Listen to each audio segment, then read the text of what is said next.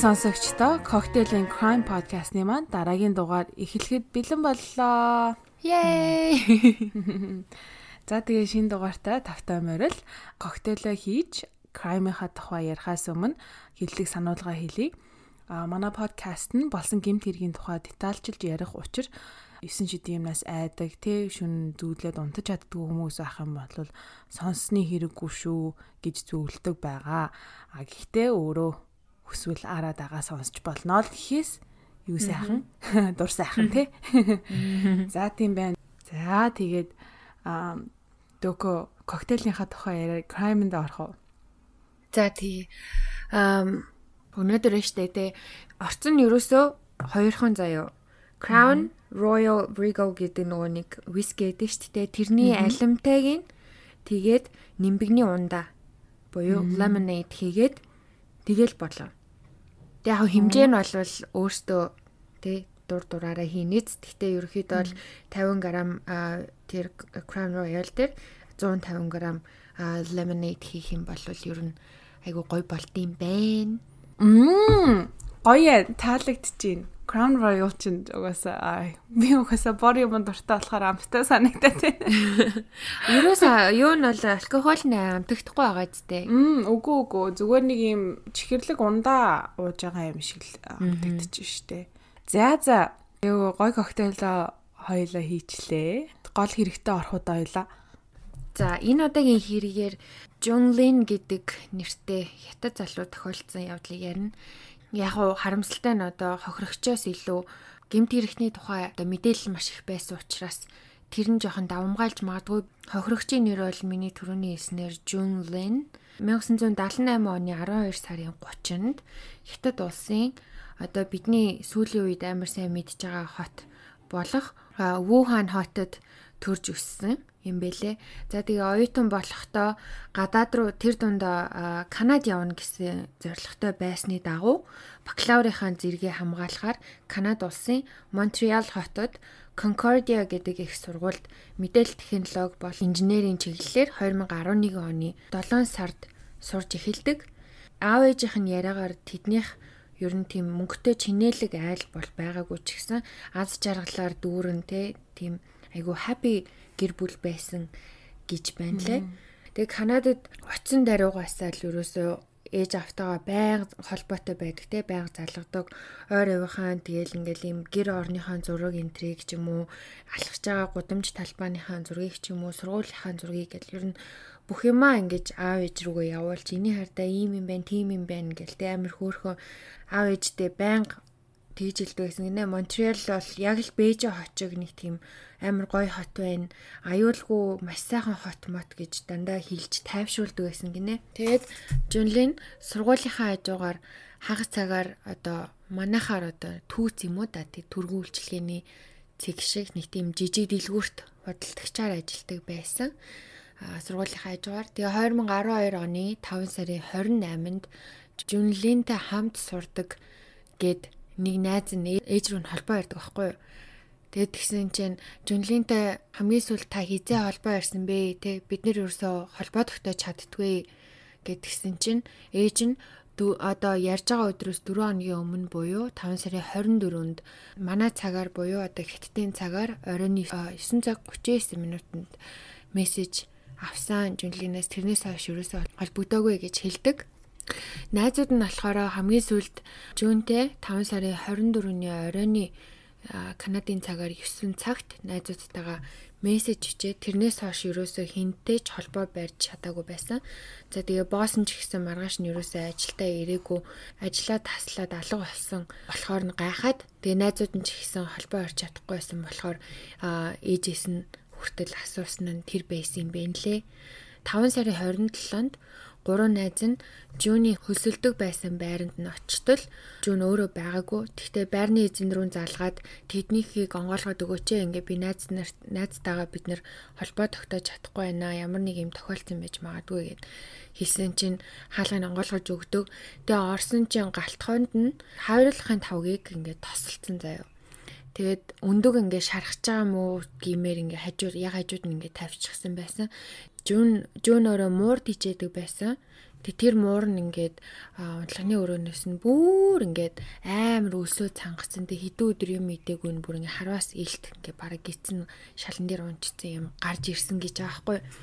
Тэгээ найзууд нь амар санаа зовсон. Яасан гэхээр Жунлин мууранда бүр ингээ хүүхэчгээ одоо хүүхэчгээ амар хайрладаг байсан учраас хизээч тэгэж хэдэн өдөр эзэнгүү хайж явах хүн биш гэдгийг мэддэг учраас маш их санаа зовсон.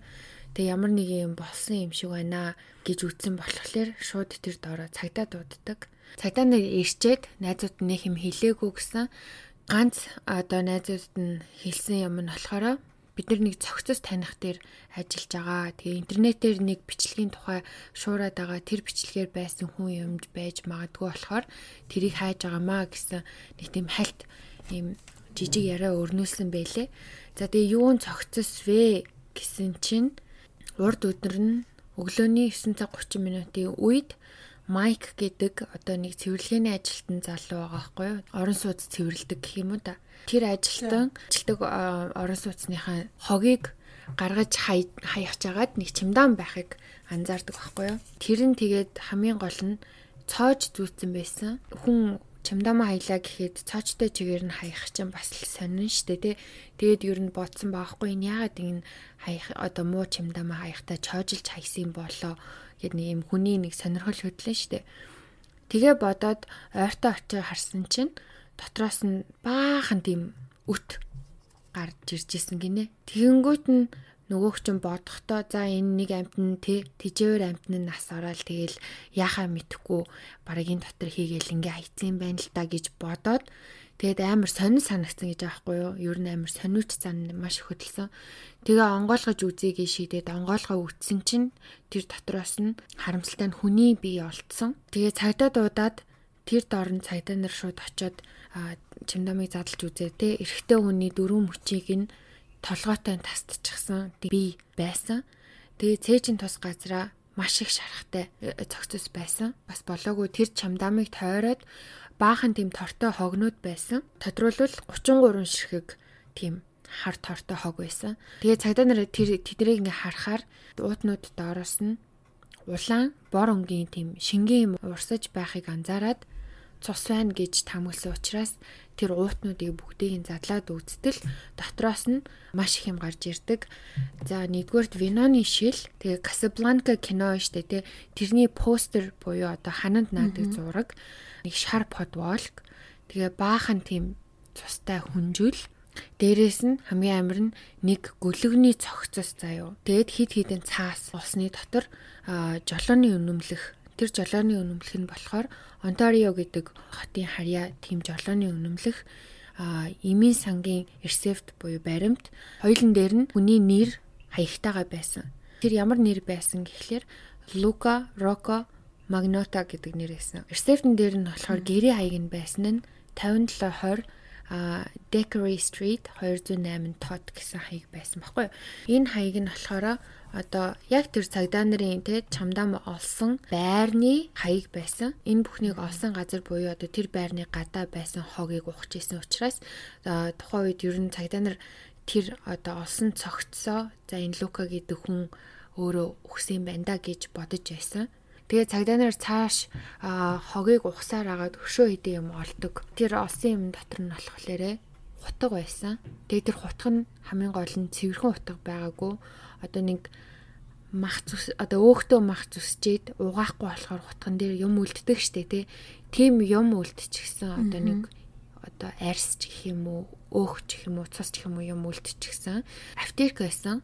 Гэтэ тэр нь болохоор бариулыг ингээд мөнгөлөг өнгөөр будаад тийм одоо ice pick гэдэг нь штэ мүс хагалагч гэх юм уу да. Мүс имтэлдэг амар үзүүртэй бас авторх шиг харагддаг зүйл байдаг штэ эртээ мүс хагалагчиг болгоод ингээ будчихсан дээрээс нь цахилгаан хөрөө хамгийн амар нь хүний биеийн хэсгүүд олдог. Тэр олсон хүний биеийн хэсгүүд нь болохоор мөрнөөсөө шуу хүртэл одоо ингээ гарнууд нь хоёр гар нь байсан ч гэсэндээ яг энэ одоо бугуугаас доош хэсэг байгаагүй Тэгээ гуйнаасаа шил бүртэл одоо хөлн байсан ч гэсэндээ шилбнээс доошоо одоо тэр тавхан хэсэг мэсэг энэ төр байгаагүй. Цагдаа нар шууд ажилдаа орсон. Тэр барилгын эзэнтэй холбогдсон чинь ёо манад хит хитэн камер байгаа штэ гэд камерын бичлэгээ үзүүлдэг байхгүй. Тэгсэн чинь нэг камер нь болохоор орон сууцны барилга учраас одоо хин гарч орж байгааг бичдэг.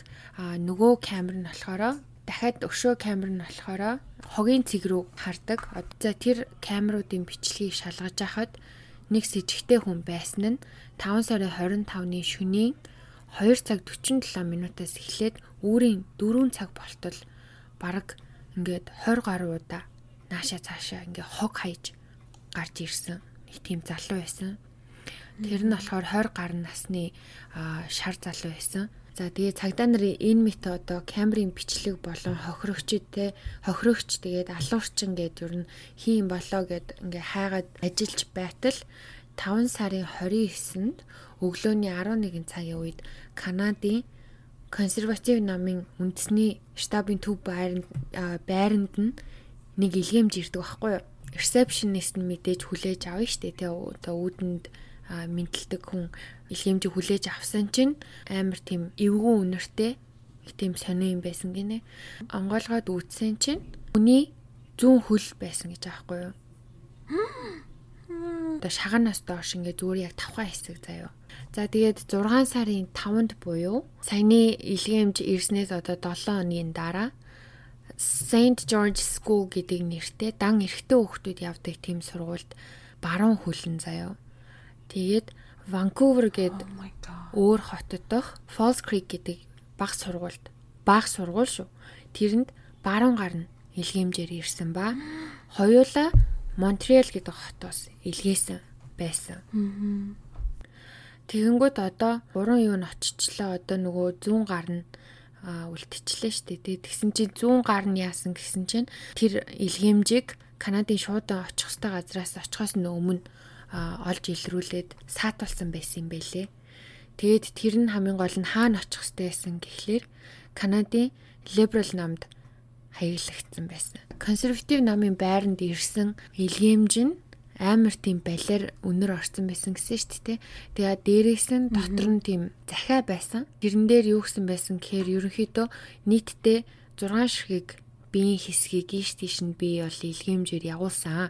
Дээрээс нь ахиж нэмж хүн ална гэсэн тухайга бичсэн одоо алуурчны одоо тэмдэглэл байсан. Шүлэг бас бичээд тавсархсан байгаа заяо амар хачаа. 6 сарын 13-нд цагдаа нар олсон бие болон одоо дөрвөн мөчийг нь ДНК-гийн шинжилгээний тусламжтайгаар жүнлийн залуу мөн болохыг аль бие осоор тогтоогоод тэгээд 7 сарын 1-нд нэрээ нуталсан хүний тусламжтайгаар түүний толгойг Монтреалийн энийг буруу хэлжиж магадгүй гэхдээ Ангригнон гинөө паркийн жижигхэн голын тэндээс олдсон бэлээ. За энэ хийдэн хоногийн хугацаанд бол цагдаа нар тал бүрээр ажиллаж одоо сэжигтнэр татах хүнээ хайж байсан.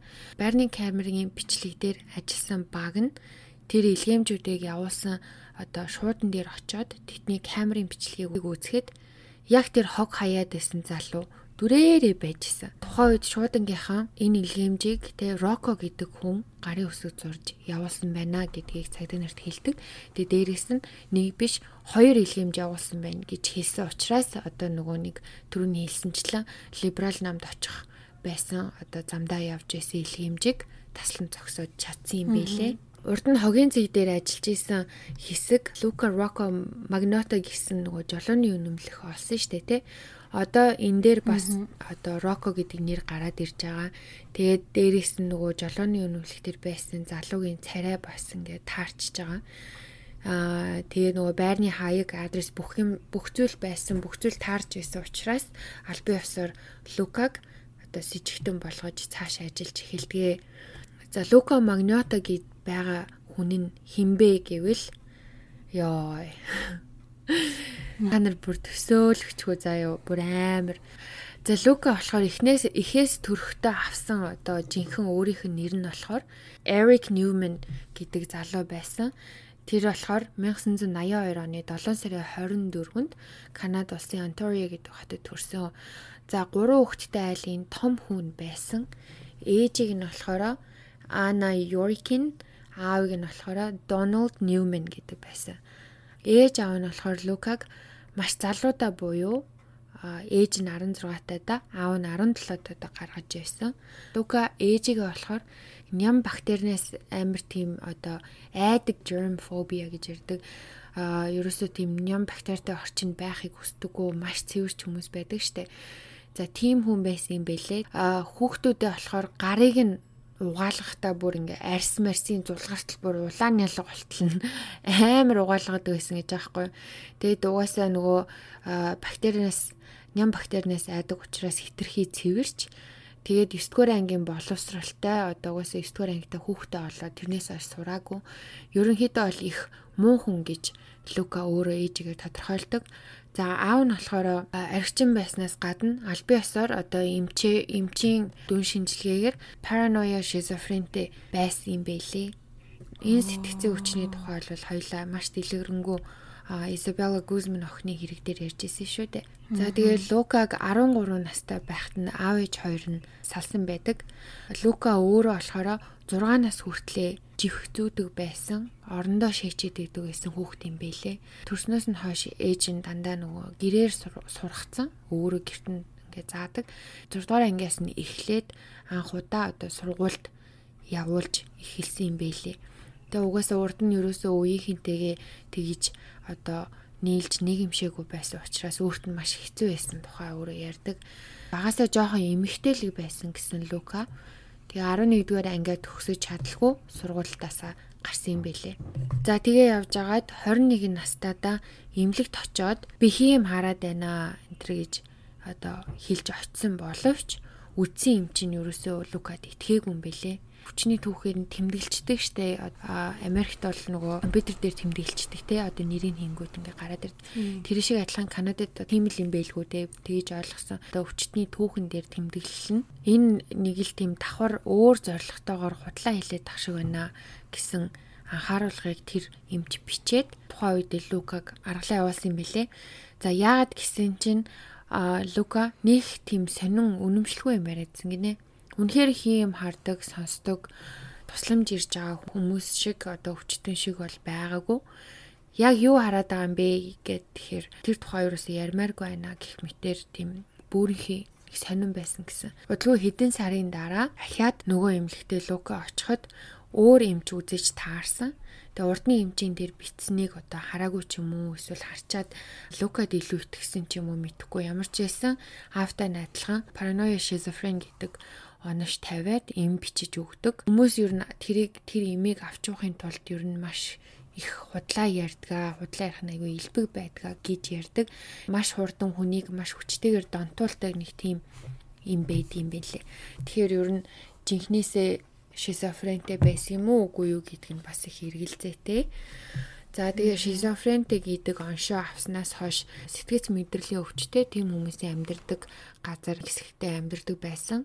2003 оноос эхлээд ижил хүйсний насан туршидын тийм кинонд тоглож эхлэхээс гадна тайчигч хийгээд тэгээ дуудлагаар бие үнэлдэг байсан юм билэ. 2005 онд Лука сэтгцийн өвчтөй бөгөөд 21 настай ч гэсэндэ 8 настай хүүхэд шиг сэтгэдэг оюун санаатай тийм хүнтэй онлайнаар танилцж найзлаад тэгээ тэрний нэрэн дээр бараг 100000 долларын зээлийн картыг ашиглаад тэгээ дээрэс нь хүчинцэн гэсэн тийм зүйлүүдээр буруу шаагдаад шүүх дуудагддаг байхгүй юу. Тэгээ хүчинцэн гэдг нь батлагдаагүй учраас яллагдаагүй. Тэрнээс биш одоо бусдаар зээлийн картыг ашигласан энтер нь батлагдсан учраас буруутай гэж үзсэн болохоор 9 сар conditional sentence гэж ярдсан байлээ Канадад. Тэгтээ тэр нь болохоор одоо шорон цуухгүй ч гэсэндээ одоо нийгмийн ажилд дажлагддаг ч юм уу, гудамж талбай цэвэрлдэг ч юм уу те. Тэгээд нөгөө хөл хорионд байдаг ч юм уу, оройны 8 цагаас хойш гэрээсээ гарч олтгүй ч гэдэм үү. Тийм байдалд байсан юм бэлээ. Тэгээд дээрээс нь 12 сарын тэнсэн авдаг. За тэгээд тухайн үед Лукаг өмгөөлж исэн өмгөөлөгч нь хүртэл дараа нь ярьслага өгөхдөө тэр үед нууцхан тэр хүчингийн хэрэг нь батлагчаасаа гэж хүсэж исэн гэж аахгүй яагаад тэгэхээр Лука нэг тийм эвгүй санагдсан юм шиг байгаа. өөрийнх нь өмгөөлөгчд хүртэл. Тэг хэрвээ тэр нь батлагдаад одоо яллагдсан болвол ирээдүйд болох те тэр амар аимшигтай явдлууд болохгүй байхаас юм болоо да гэж ярьдсан мэлээ. Бэлгийн хүчирхийлэгч гэж бүртгэгдэх байсан гэсэн үг шүү дээ тий одоо тэр нь батлагдсан байсан бол а ерөөхдөө баг 10-ад жил тэр нь одоо хинч хаанч нэрийг нь одоо гуглээр хайсан бай. Нэр устайгаа бүх юм гараад ирдэг штэ цагдаагийн репортон дээр. Тэгэж гарч ирэх байсан юм бэлээ тэгэхээр одоо юу гэдэг нь жоохон хэрэг төрөвт орооцолтол шууд цагдаа нарын хараанд байх байсан юм бэлээ харамсалтай нь тгээгүй. Одоо тэгээ манайхыг сонсдог Америк ч юм уу, Канадад ч юм уу байдаг хүмүүс те амьдарч байгаа одоо хэсгийнхаа үүрэг районыхаа бэлгийн хүчирхийлэгч гэд хайх юм бол одоо бүх зураг хөрөг хизээ яаж барьжлагдсан бүх юмтайгаа гараад ирдэ дээ те. Тэгэж хайж үзээрэй. Захимаар тий вебсайтаар нараад хагаад тэгээд хим мэдлээдээ найзыгаа ч юм уу бүр хөршөө ч юм уу олж харах магадлал өндөртэй учраас болгоомж юу нийлэгдэхгүй штэ. Хараад царай зүсийн тогтоогоод авахгүй юу? 2006 оны 8 сарын 12-нд Эрик гэдэг нэрээ албан ёсоор Лука Роко Магнето болгодог. Баадуудын хэлснээр Эрик гэдэг нэртэйгээ одоо бүх өнгөрсөн муу мухаага мартаад амьдралаа шинээр эхлэхийг хүссэн. Тийм учраас би одоо ингээ нэрээ сольж байгаамаа гэж хэлсэн байт юм лээ. Энэ үед өөрөө од болж ер нь тийм бусдын анхаарлын төвд байхыг маш их хүсдэг нэг тийм заавал над руу анхаараач ээ гэд бүр ингээд ядаад байдаг хүмүүсээ тийш. Тийм хүн байсан юм бэлээ. Тэгээ хит хитэн одоо телевизийн реалити шоунд орохоор сонгон шалгаруулалтанд орсон боловч тэнцдэггүй. Тэр нь болохоор угаасаа нэг тийм сүртэй шоуч биш нэг тэр тэрүүхэн хавьдаа л нэг тийм жижиг шажиг шоу байсан. Бисексуал хүмүүс ч юм уу эсвэл гоо сайхны мис засалд донцсон хүмүүсийн тухай ч юм уу тиймэрхүү нэг хачаа хачаа ТV шоунд орох гэж үтсэн юм байлээ. Данж тэнцээгүй. За тэгээ өөрөө ч гэсэн ян зүрийн гоо сайхны мис засалд орсон хамар Тэгээд юу юугаач гэлээ янзлуулсан юм байлээ би. Тэрийг нэг сүртэй сонирхоогүй. Тэгэж явж агаад 2007 онд өрөндөө баригдаад bankruptcy буюу одоо хувь хүний дампуурал зарладаг. Хоёлоо нөгөө нэг Ватсын хэрэг дээр ярьж ирсэн дээ тий. Нөгөө гэр бүлэрээ дампуурал зарлцдаг. Тэрэн шиг адилхан за би нүрөө төлж чадахгүй гэд бож өгсөн байдаг. Тэгсэн хэдий ч одоо тэр оныхоо 12 сард нь гэхэд тэр нь тавигдсан юм байлээ. За яг энэ үед буюу одоо нэг 2007 оны үед а Лука сошиал медиа маш ихээр бүр амар идэвхтэй хэрэгэлдэг болсон байсан. Урд нь мэдээж хэрэгэлдэг байсан ч гэсэндээ яг тухайн үед бол баахан тийм хуурамч аккаунт энэ тэмдгүү нээсэн заяо. Тэгээд өөрийнхөө талаар өөрөө штэ өөрийнхөө талаар тийм хуурамч мэдээлэл тарааж янз бүр болдог гэсэн гинэ. Тэгээ нийтдээ одоо 2007 оны үед бол нийтдээ 90 хуурамч аккаунт байсны 70-аад нь Facebook-ийн хаяг байсан баг. Тэгээ зарим нь болохоор Лука гэсэн нэртэй байсан ч гэсэндээ ихэвчлэн өөрөөр нэртэй тийм байсан. Энэ хаягуудаараа болохоор бид нар нөгөө нэг өөрийгөө дэше шиднэ гэж ярьдэн штэ.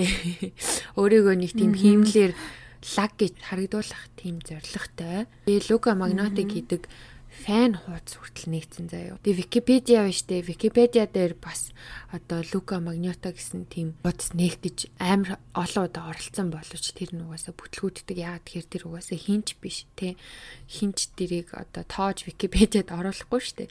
Тэгээ тэр нөгөө нэг бүх хуурамч хуудасууд нь одоо аккаунтууд нь бүгдээрээ тэр Лука Магнето гэсэн фэн хуудас муцыг дагдаг. Тэгээд бичдэг статус энтер амар нэттэй Лука бол одоо Канадын хан хүү Лука миний шүтэн энтер гэсэн юм байн постлдог.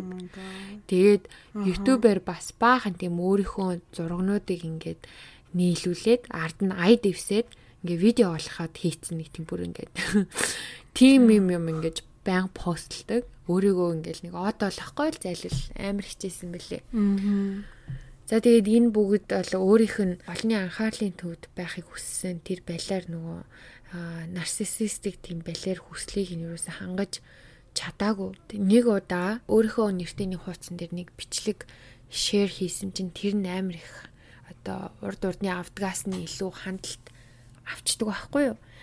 Тэр нь ямар бичлэг байсан гэхлээрэ Украинд болж исэн нэг хэргийн тухай бичлэг байсан. Тэгээд тэр одоо хандлт ч гэжтэй чаавас одоо хүмүүсийн комментууд нь дандаа тэгж харааж зүгсэнтэй ямар балиар юм бэ өхөл таарна ста бла бла гэсэн юм байсан ч гэсэндээ тэр нь өөрт нь маш одоо амар тааламжтай санагдсан гэж аахгүй юу. За тэр нь гэсэн чинь ямар бичлэг байсан гэхээр миний ясныг урд нь тэг хэрэг ярих гад хайгаа явж байхад таарлцсан байсан. Хоёр балаа маниакийн тухай бичлэг байсан. Ямар хүмүүс гэхлээр тэр 19 настай хоёр украин залуу 20 гаруй хүн алаад тэгээд заримыг нь бүр ингээд алж явах явцаа бичлэг хийгээд тэрийг интернетэд тавьчихсан. Тэгээд тэр бичлэгнүүдийнхаа нэг нь одоо олонд ил болж исэн тийм хэрэг байдаг.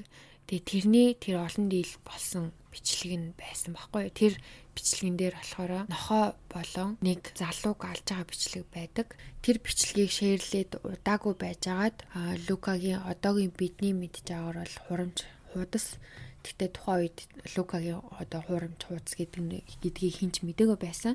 Тэгээ тийм хуудаснуудаас гинт ингээд баахан тийм статус энэ төр бичиж эхэлсэн, комент энэ төр бичиж эхэлсэн. Юугээ бичсэн байсан гэхлээр одоо нэг хүү тэгээд хоёр муурын зулцаг гэдэг бичлэг үзснүү үзсэн шеэр хийгээрээ би үзмээрээ нэнстэй амар гоё гисэн мэсэн гэл ингээл баах нөгөө худлаа хурамч аккаунтаасаа ингээд тийм хийсвэр юм гаргаад ирдэг байхгүй юу? Тгийж худлаа бахан шуугж агаад өөрөө тэр бичлэгээ нийтэлдэг тэр бичлэг нь яасан гэхлээр хоёр морын зулцаг орон дээрээ тавьж агаад тэгээд ихэндээ ингээл ээлж мэлээл. Тэгжээснэ гинт уутан тэгээд тэгээд агаарын соруулж аваад тэр хоёр мурыг алчдаг. Хамгийн амар нь тэгээ зогсдгоо. Тэгээ дараа нь тэр зогцоор нь бүр амар удаан тоглоод бахан одоо зураг аваад зургаа хамт ахуулж махуулаад ёо амар ёо бүр хамаг усарч ажиллаа. Амар муухай нэг тийм бичлэг олонд тархдаг. Садист. Аа. Тэгээ тэр дараа нь цогцсоор нь тоглоод тэгээд хөлтөөж мөлтөөцсөн заяо цогцын тэр бичлэг бол маш олон хүний дургуутслыг мэдээж хүргэсэн. Тэр нь одоо бас юу гэсэн үг вэ гэхээр амар олон нийтэд цацагдсан байгааз. Тэгээд бас хамгийн амар нь Лукагийн яриагаар болохоор баг бахт нь ээж нь тижээмэл туулааг нь бас тэгэж хөлдөөж алж исэн гэсэн. Тэгээ бас тэр мөрнээс юм үлдсэн юм уу да гэж би бас хальт бодсон. За тэгээд яг тэр бичлэг цацагдсны дараахан тухайн өдөртөө өөрсдийгөө интернет nerds гэж ярьдэн штэ. Одоо тий интернет дэх одоо нэг тийм хинхэг гэх юм уу да тийм хүмүүс нь шууд тэр доороо нийлээд Facebook дээр тоос орогчоор муурын зулцгнууд алсан алуурчныг олоод хариуцлага тооцоо энэ гэсэн ухааны тийм нэртэй тийм бүлгэм Facebook-ийн бүлгэм нээгээд 24 цагийн дотор 4000-аад хүн нэгдсэн гэдэг юм байна лээ. За тэгээ бичлэг хийсэн хүнийг олохоор тал бүрээс ажиллаж эхэлсэн. Одоо тэднэр нь болохоор ерөөсөө л одоо бид нар шиг хүмүүс чи би одоо сонсож байгаа тань шиг хүмүүс бүгдээрээ ерөөсөө энийг яаж ийг олъё гэд нэгтчихсэн. Одоо тэр интернет нердүүд гэж яриад байгаа хүмүүсээ штэ тэ интернет амар ухдаг хүмүүс тэднэрийн дунд нэг тийм бичигдээгүй хууль байд юм байна. Тэр нь болохоор don't fuck with cats буюу одоо муурыг ер нь битээ оролт гэсэн утгатай одоо мууранд их хайртай л хүмүүс гэх юм уу да. Тийм бичигдээгүй хууль байдаг гинэ. Тэгэнгүүт одоо энэ бичлэг ягаад тэдний одоо хараалыг ингэж ихээр ийдсэн гэхээр угаасаа бити оролт гэсэн одоо амтныг нь бүр амар хэлхийн аргагүй арчлааж аглаад аимшигтай зүйл болсон байж тээ. Тийм учраас эднэр ингээд амар бүх сэтгэл зүрхээр ингээд шулуудаад маш хурдтайгаар нэгтцгээс юм бэлээ. Хаан гурав 4000 хүн одоо 24 цагийн дотор нэгдсэн гэж хэлсэн шүү дээ. Тэгсэн боловч толгойлж гэх юм уу те хоёр хүн ямар ч байсан байсан. Тэр нь нэг нь Body Movement гэдэг нэрээр явдаг эмэгтэй жинхэнэ нэр нь Диана Томпсон гэдэг эмэгтэй байсан. Нөгөөх нь болохоор John Green гэдэг нэрээр явдаг залуу байсан. За John Green-ий жинхэнэ нэр бол угаасаа хинт ч зарлагдаагүй өөрөө тийм амар нууцлаг байх дуртай хүн юм бэлээ. Энэ хоёр ерөөхдөө маш хүчтэй ингээд багийг бүрдүүлээд хоёлаа хүлвтэн 18 сарын турш бичлэгийг хийсэн хүний олохын тулд ажилдаг. За тэгээ яг яаж хайдаг байсныг та нар хэрвээ сонирхчих юм бол Netflix дээр байгаа Don't Fuck with Cats гэдэг угаасаа нэртэй тийм гурван ангитай баримтат кино байгаа. Тэрийг үзээрэй. Маш сонирхолтой кино. Тэрэн дээр угаасаа яг энэ Бауди болон Джон Грин өөрсдөө дүрээрээ байдаг бөгөөд тухайн хэрэг дээр ажиллаж исэн мөрдөгчнөр болон цагдаа нар бас ярилцлага өгсөн байгаа. Тэгээ та нар бас ороод үзээрэй. Тэрэн дээр яг уу товчхондоо болвол эднэр Лукагийн нөгөө хуурамч хаягуудыг өөрийгөө хөөрөгдгийг нь олж мэдсэн байлээ. Тэгээ байршлыг нь бас тогтоож чадсан. Яг тэнд гэж хэлэхгүй ч гэсэндээ ерөнхийдөө аль төв, аль улс, аль хот вэ гэдгийг нь бол маш олон талаас нь одоо маш урт хугацааны явцад нэгсээр байгаад олсон байдаг. Тэр бол амар надад амар гайхалтай санагцсан. Зүгээр л энд манус шиг те жирийн хүмүүс нийлж агаад ингээл бичлэг үзэж ангуудаа одоо бичлэг дээр байгаа зүйлүүдээ ингээ харж эхэлсэн гэж аахгүй эхлээл. Одоо за арзетк нь ямар юм те? Арзетк нь улс улс орон болгоны хөөр байдаг штэ тамхины хайрцаг байсан. Тамхины хайрцагийг нь маш сайн ингэж бичлэгнээс те ойртуулж хараад ч гэдэг юм уу? Нөгөө тоос орогчных нь одоо хийц загварыг харж агаад хаан зарагддаг ямар төрлийн гэд бүр ингээд амар сонирхолтой ингэж хөөсөөр агаараа тэр болгоныг олдог. За тэгээд энэ 18 сарын хугацаанд ахаад хоёр бичлэг тавигдсан байсан. Тэр нөгөө муурны бичлэгнээс гадна нэг нь болохоор нэг муурыг банда ингээд шалны модны ариул хэсэгт нь ингээ хүлж агаад банда живүүлж алж байгаа бичлэг байсан.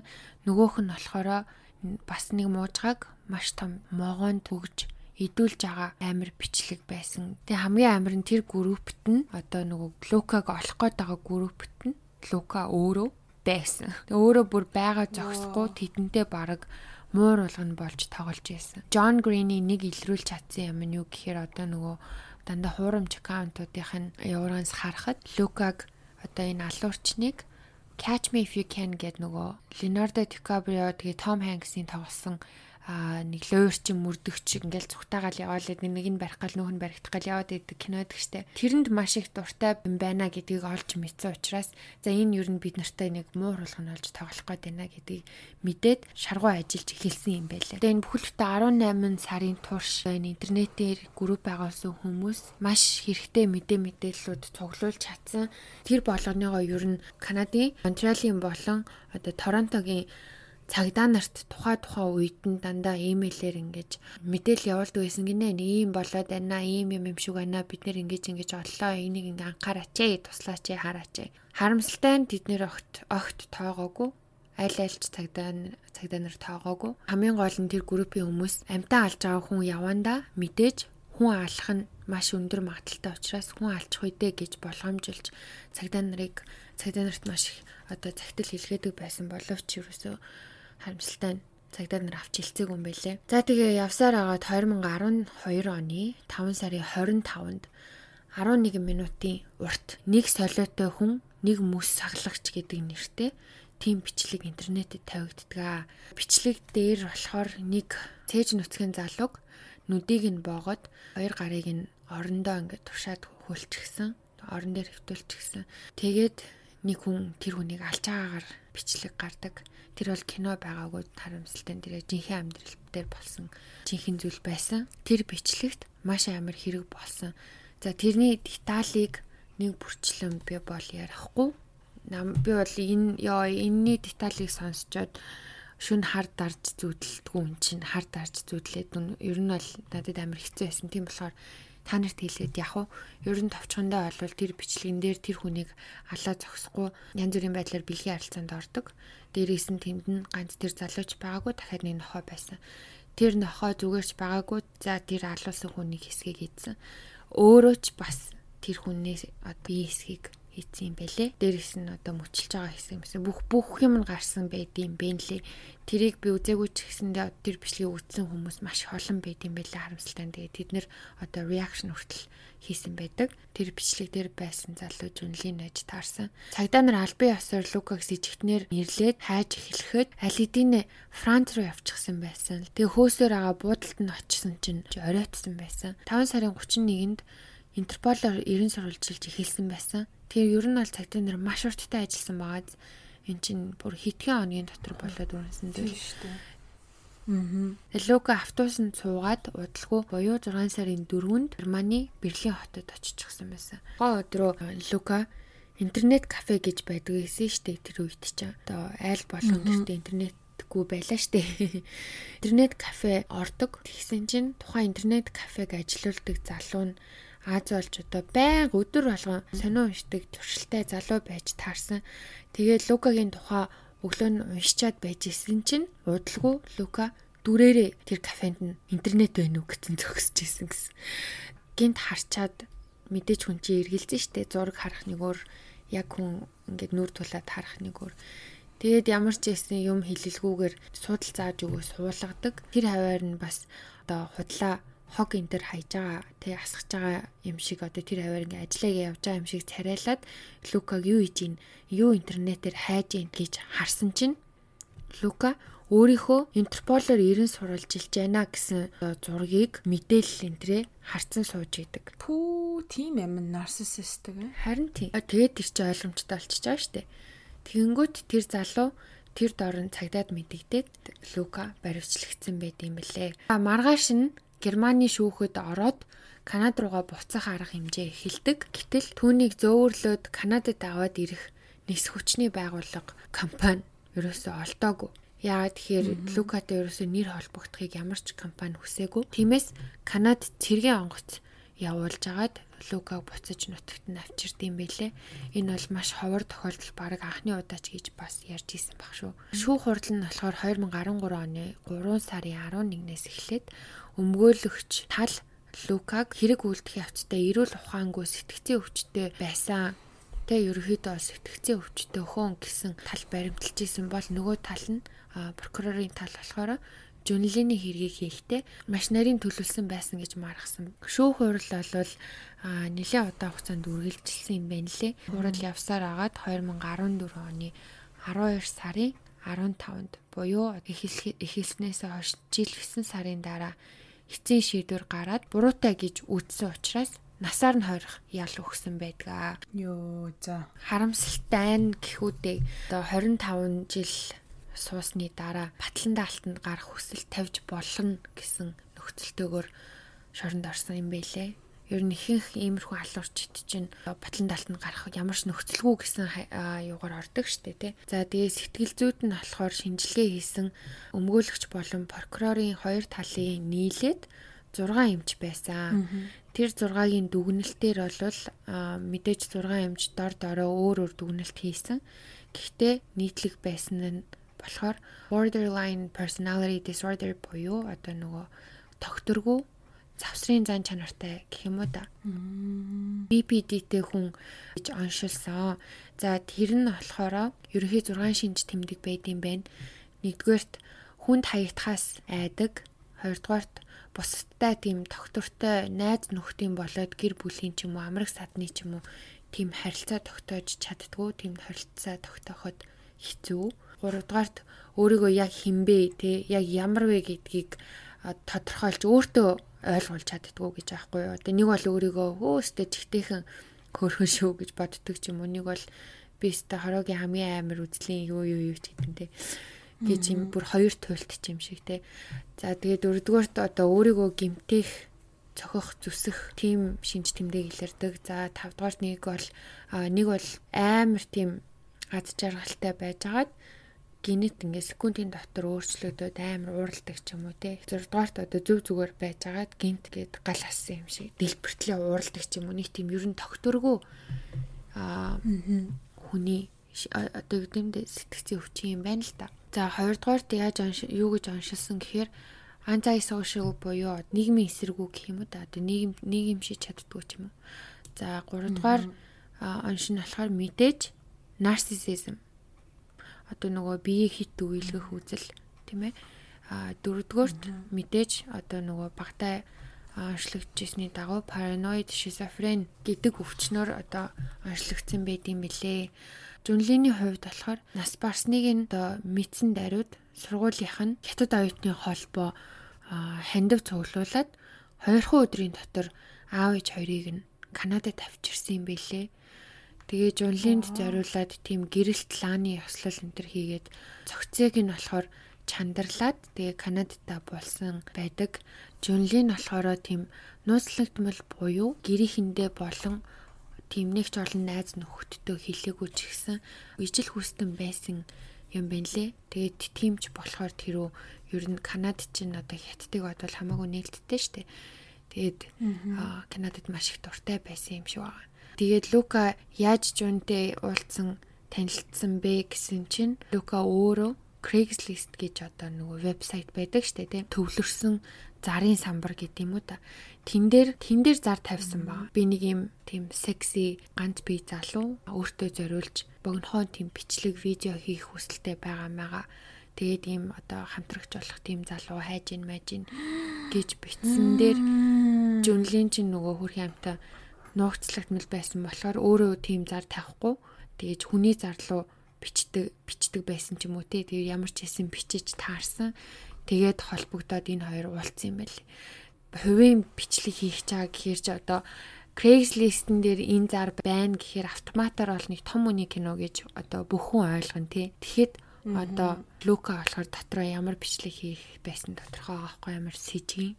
Амар төлөвлөсөн байгаа сте тэгэхээр чинь төлөвлөсөн. Аа. За тэгээд одоо нөгөө нохоо байсан гэж хэлсэн шүү дээ бичлэг дээр ч гардаг.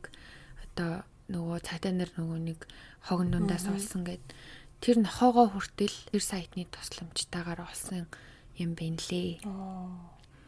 За тэгээд нэг ийм эргүү малын тухай түүх байна. Амар агаад. Аим аим шигтэй Йоо, наата ч бүр ингээд ухаж түнхээ сонссон чинь бас айхтар сонсогдож шүү. Өстой амар юм байтлээ. Би бас нилээ олон аимшигтай деталууд үлдээлээ. Тэр болгоныг яриад яах вэ? Тэрийг угаасаа дэч хэрэггүй хүний сэтгэл зүйд үнэхээр хүн тусгаар юм байлээ. Тэгээд надад хүртэл би ч тэ энэ олон жилийн юм үзэж сонсож явхад надад хүртэл маш эмзэг туссан. Амар хэцүү байсан. Би өөртөл гайхсан штеп энэ ч одоо манай подкастны ганц имдэг хэмтэн нэг олон юм яриад гонгнаад идэв би байсан чинь манай дөкө зүудэлсэн гэхээр нь би за манай клуб тавтамаар л гэж харин хэлмээр санагд. Юу вэ? Унтахаас өмнө аим шингийн үзэж унтаал ерөөсөө зүудэлдэггүй юм чинь Урчин бол өстой яалтчгүй хартарсан амар эс. Наажин бол үнэхээр нөгөө Netflix дээр байгаа киног нь хамгийн анх үзчихсэн. Би чамд хэлж илүү те. Үнэхээр сонирхолтой кино бүр ерөөсөө ингээд зогсолтгүй бүр тэр чигээр нь дуусгаар энэ ч олон ангитай илүү юу лээ. Гурван ангитай юм. Тэгээ бүр ингээд нэг суугаад бүр дуусгамаар тийм кино байсан. Тэгвэл яг тэр кинон дээр болохоор зүгээр Лукаг одоо яаж барьж авсан авсан тэр талаар л ер нь жоох мэдээлэл өгсөн болохоос ш сая манай Докогийн ярьсан шиг тийм детальчилж одоо Лука гэж хэн байсан бэ бас Жүнлен гэж хэн байсан бэ те тэрний тухайроос ярьдгөө. Аа. Тэгээд бас дээрэс нь би сая сонсож байхад анзаарсан Лукагийн бас юм ар гэрийнхэн талаар, баг насныхын талаар бас угаасаа дурддггүй тэр кинон дээр одоо баримтат кино штэ. Тэрэн дээр. Гэтэ сайн ингээд сонсч ирсэн чинь бас одоо амьдралнаас хэцүү байсан юм шиг байна тий. Харин тий. Жохон багтаа аав нь архичим тэгээд бас э, schizophrenic paranoiaтай. Энэ энэ сэтгэл сэтгэл мэдрэлийн эмгэг чинь бас ингээ хараа юу 9 жилийн ингээ хэргийн тухайн уншаадсэн чинь бас нилээ юу исэн юм бэ? Түгээмэл байдаг юм шиг санагдлаа. Тэгээ ээж нь ээж нь бас өвчтэй байсан гэсэн үү? Аав нь тийм байсан гэсэн үү? Ер нь бол ээжийн тухай амар аммуутай юм билээ. Тэгээд ямар л олигтой хүн хүүхдүүдийн тижээмэл туулаа тэгэж нүдэн дээр нь хөлдөөж алаад янз бүр болох үү те. Тэгэхээр ер нь бол ээж нь бас эрүүл биш юм шиг санагцсан. Аа. Тэ амар тийм юу байсан гэсэн одоо emotionally abusive гэж ярьдаг штеп. Сэтгэл зүйн дарамттай амар маш их сэтгэл зүгээр нь тоглодог тийм эмэгтэй байсан гэж ярьдаг. Тэр битээр ингээл зөндөө ярьдаг те 100% одоо гэр бүлээс бас гардаг гардаг зүйл бишээ те. Үр дагавар нь энэ биш. Гэхдээ бас ингээ харахад бол ээж нь нөлөө бол маш их байсан харагдаж байна. Тэгээ бас болоогүй эн чинь бас өөрөө од болохын тулд амар олон арга хэрглэж ийсэн юм бэлээ. Бүгд бүтлгүүчж ийсэн ч гэсэндээ Канадын бас нэг цуврал алуурчин хүүхэн байдаг. Нөхөртөөгөө гурван хүүхэд одоо юм битүүхт нийлээд алчихсан.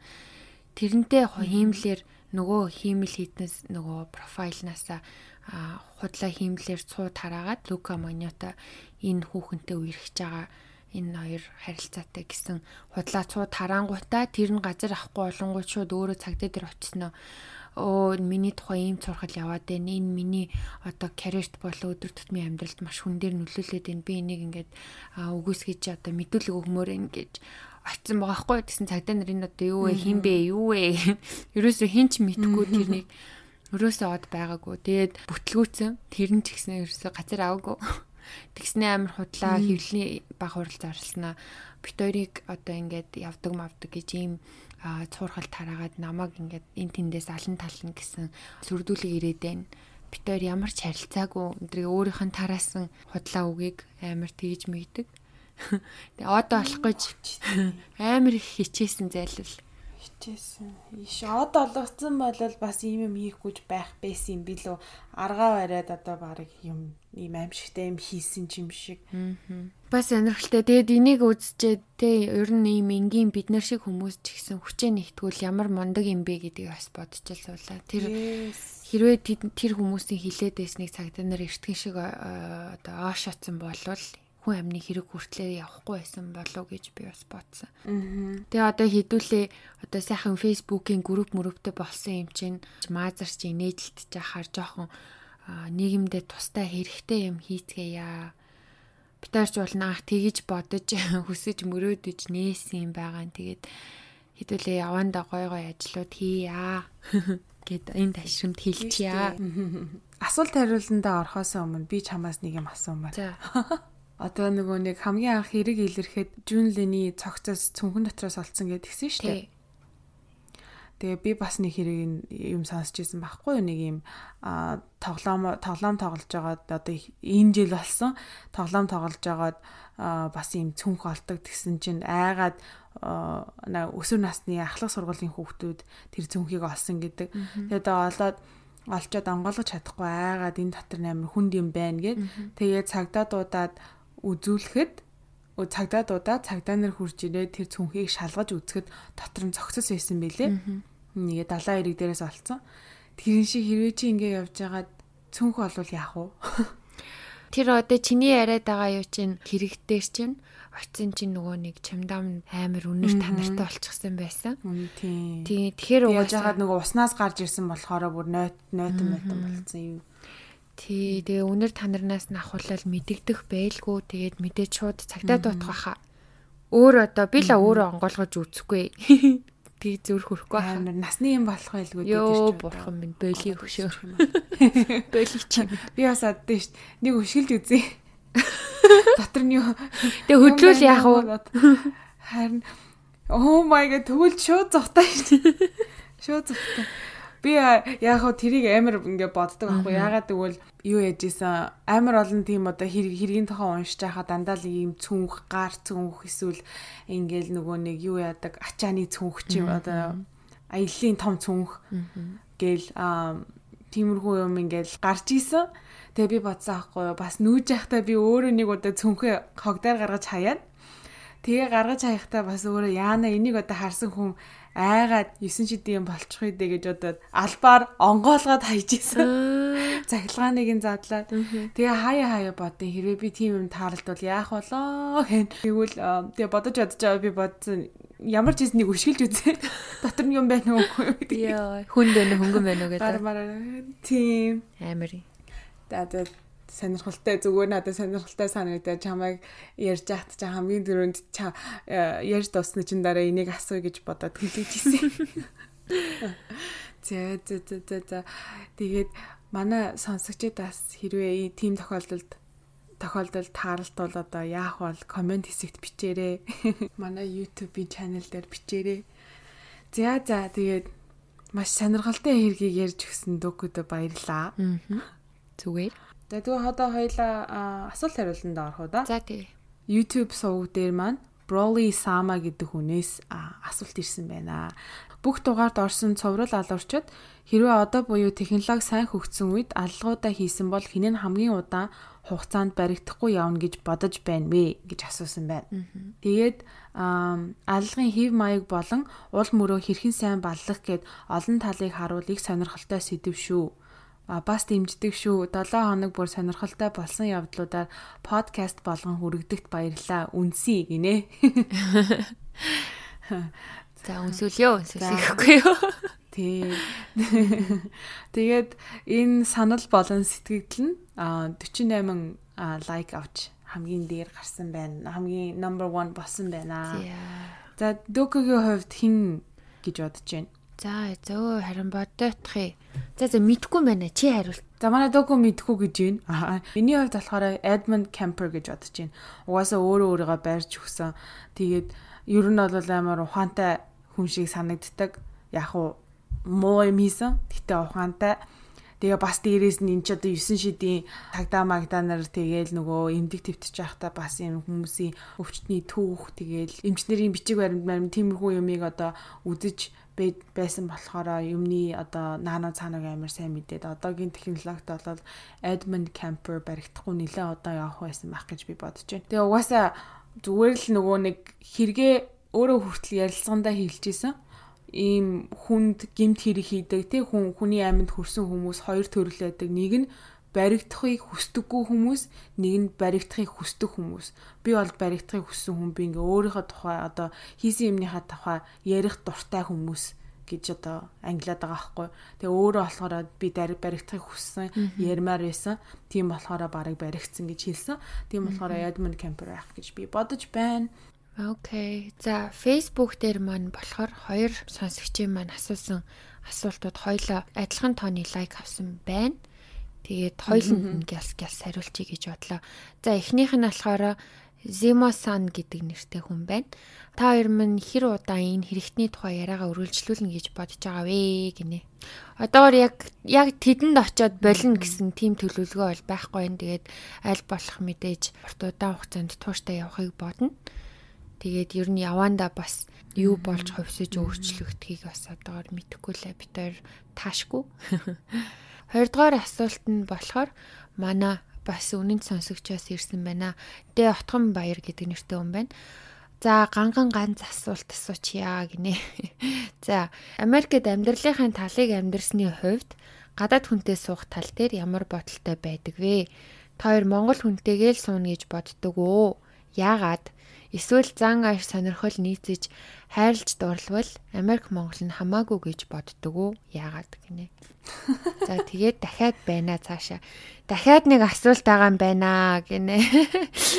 За та хоёр өөрсдөө илчилгээс айгаад илчилдэггүй юм уу? Өөрсдийнхөө яриаг хэрэгтэй ярддаг хэрэгтэй уялдаад сэрэмжлээд ямар ч хүн сонсож байгаа юм блэ ч юм уу тэгэж боддог уу эсвэл ичээд илчилдэг юм уу гинэ?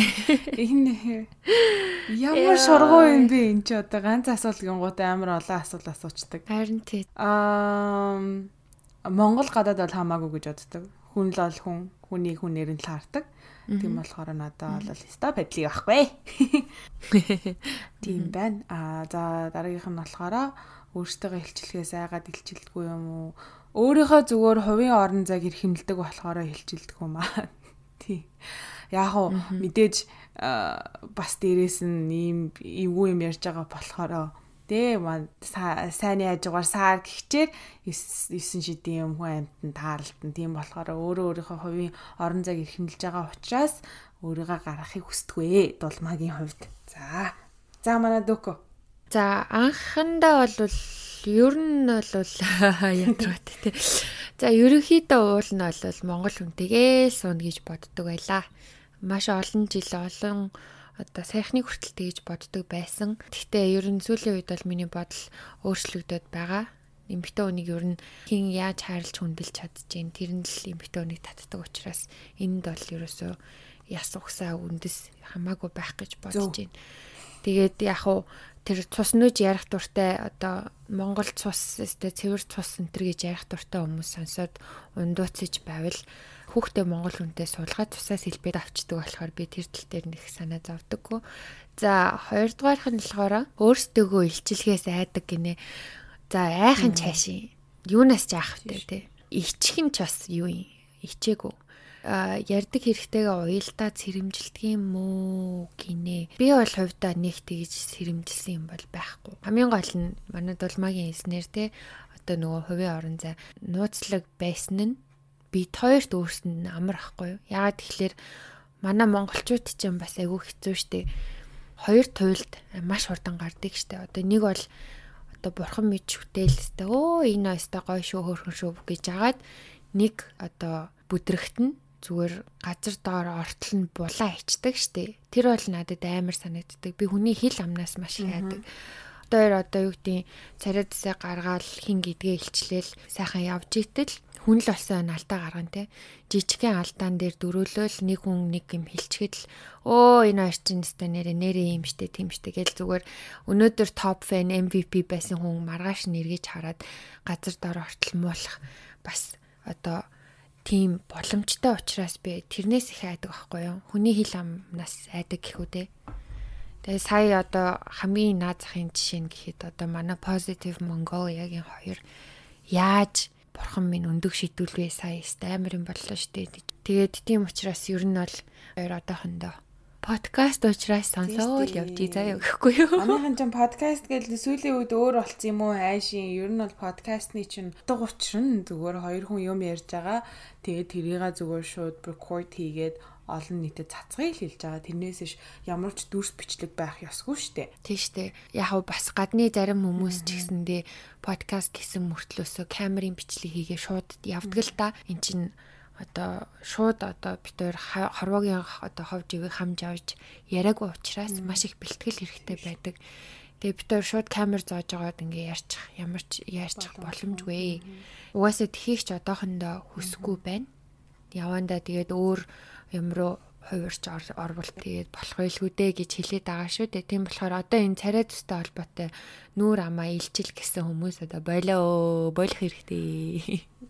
Ямар ч үгтэнд хүрэхгүй угаасаа.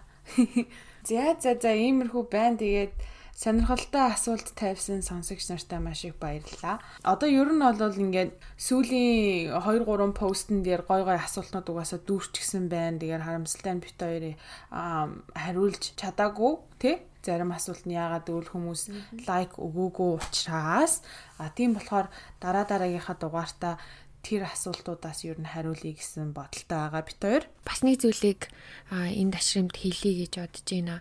11 сарын 23-нд манай Монголд маш ноцтой гемт хэрэг болсон илчлэглээ. Монголчуудын хувьд иймэрхүү гемт хэрэг болдоггүй дээрээс нь одоо олон нийтэд ч гэсэн ингэж зарлагддгүй учраас маш хүнд тохиолдол болж байгаа шиг байна. Надад ч гэсэн амар хүнд байлаа. Тэгвэл хамгийн гол нь энэ үйл явдалтай холбогдуулаад хоёрын юмд хүмүүс сэтгэл үлдээсэн байна л да. Яг ганц хоёрхон л байсан л да. Гэхдээ тэрэн дээр жоохон имзэглэлээ. Яагаад тэгэхээр одоо энэ минийгэ болоо те Монголд ийм болчоод штэ мэштэй гэж орж ирж байгаа хгүй. Хоёр ганцаараа энэ тухай яриаггүй эн чин дэлхийн нийтээрээ ярддаг сэдвээ. Монголчууд одоо энэ тухай сонсоход сонсох цаг нь болсон гэж бодож байна. Хоёрдугаарт яагаад ийм хамаагүй хэргийг заавал нэгэндээ ингэж нялцааж заавал нэгнийгээ буруутгах гэж бит хоёрыг хүртэл ингэж чичилж орж ирнэ вэ. Эн чинь бит хоёр ч гэсэн сэтгэл зүрэхтэй хүн бит хоёр ч гэсэн хараад имзэгэлцэн байхад дээрээс нь давс нэмсэн нь амир хэцүү байлаа. Гэхдээ яг хуу мэдээж дийлэнх сонсогчид маань ойлгож байгаа байх энэ бол угаасаа биднэрт бид нар ямар одоо юу гэдэг заавар зөвлөгөө өгөөд ингэсэн биш. Мэдээж ихэнх алуурчид бол угаасаа киноноос хүртэл сэтлээ олдог учраас True Crime podcast сонсоол аа за энийг ингэж юм байна гэж нэг амар сэтэл авах тийм маниак бол Монголд байхгүй. Та нар тгийж муухай яг одоо энэн шиг одоо яг энээс л би айдаг байхгүй юу. Дахиад нэг хэрэг боллоо. Дахиад бит хоёр руу дайрах юм биш үсттэй тий. Амар сонин сэтгэлгээтэй. Тийм учраас одоо нүүр царайгаа гаргачих юм бол бүр одоо хорвоод л хийстэй л болох байлгүй. Сэрэмжлэх маягаар гадныхан ингэсэн байх шүү. Манайхан ийм юм болвоо. Ийм хүмүүс ингээд байх шүү. Ийм хүмүүсийг анзаараарай анхаараарай гэж хийж байгаа болохоос биш. Мэдээж тийм тийм маних байгалаа л тэд нар юунаас чамаагүй сэтлээ олчихно бит хоёртой бит хоёргүй маш олон ээжүүд бит хоёр руу хариу одоо загтал бичдэг маш олон одоо аавд хүртэл бичдэг. Тэгээ хүүхдийнхаа хүмүүжил дээр өстой өстой энэ дээр анхаармаар юм байна. Би юу нэг гээд байгааг өөрийгөө хүртэл анзаарч засаж байгаа учраас хоёр ерөөхдөө өгөөчтэй болж ийн гэж бодож байгаа. Тэгээд хуулийн ч гэсэн баг цаг мэдлэгтэй болцоож байгаа байх. Тэгээд одоо технологи хөгжсөн өнөө үед цуврал аллах хийгээд яваад байх тийм нөхцөл байдал нь ч байхгүй учраас битгий ингэж нэг нэгэ нэг нэгэ хийж байгаа ямиг ингэж одоо юу гэдэм бэ шантаачлах гэж оролдооч гэж хэлмээр санагдсан. Тэгэхээр сэтэл өхийг хүссэн бол бит хоёр ингүүл баригдахгүй шүү, ингүүл ингэдэй шүү гэж ярина штэ. Тэрнээс биш энэ хүүхэд нас энэ ямар сэтгцэн өвчтэй энэ бол хинд чамаагүй асуудал тийм үү. Тэгэхээр мэдээж хэрвээ сэтэл төрүүлэхийг хүссэн бол бид хоёр шаал өөрөөр ярих байсан учраас та нар ч гэсэн уужуу тавнаар бодож ойлгоорой. За энэ удаагийн дугаараар маш сонирхолтой хэргийг задлан шинжилж ярьсан дөөкөдөө маш их баярлалаа. Хоёрын хийж байгаа контент таалагдж байгаа бол YouTube channel-ыг like, like, share, share, subscribe, subscribe. Тэгээд аа сонсогч нартай зориулаад групп нээсэн байгаа. Тэгээд MVP нар минь ороод ирээрээ бүгдээрээ гоё яриа өрнүүлцгээ. За энэ хүртэл сонссон сонсогч нартаа маш их баярлалаа. Дараагийн дугаар хүртэл түр баяртай. Bye.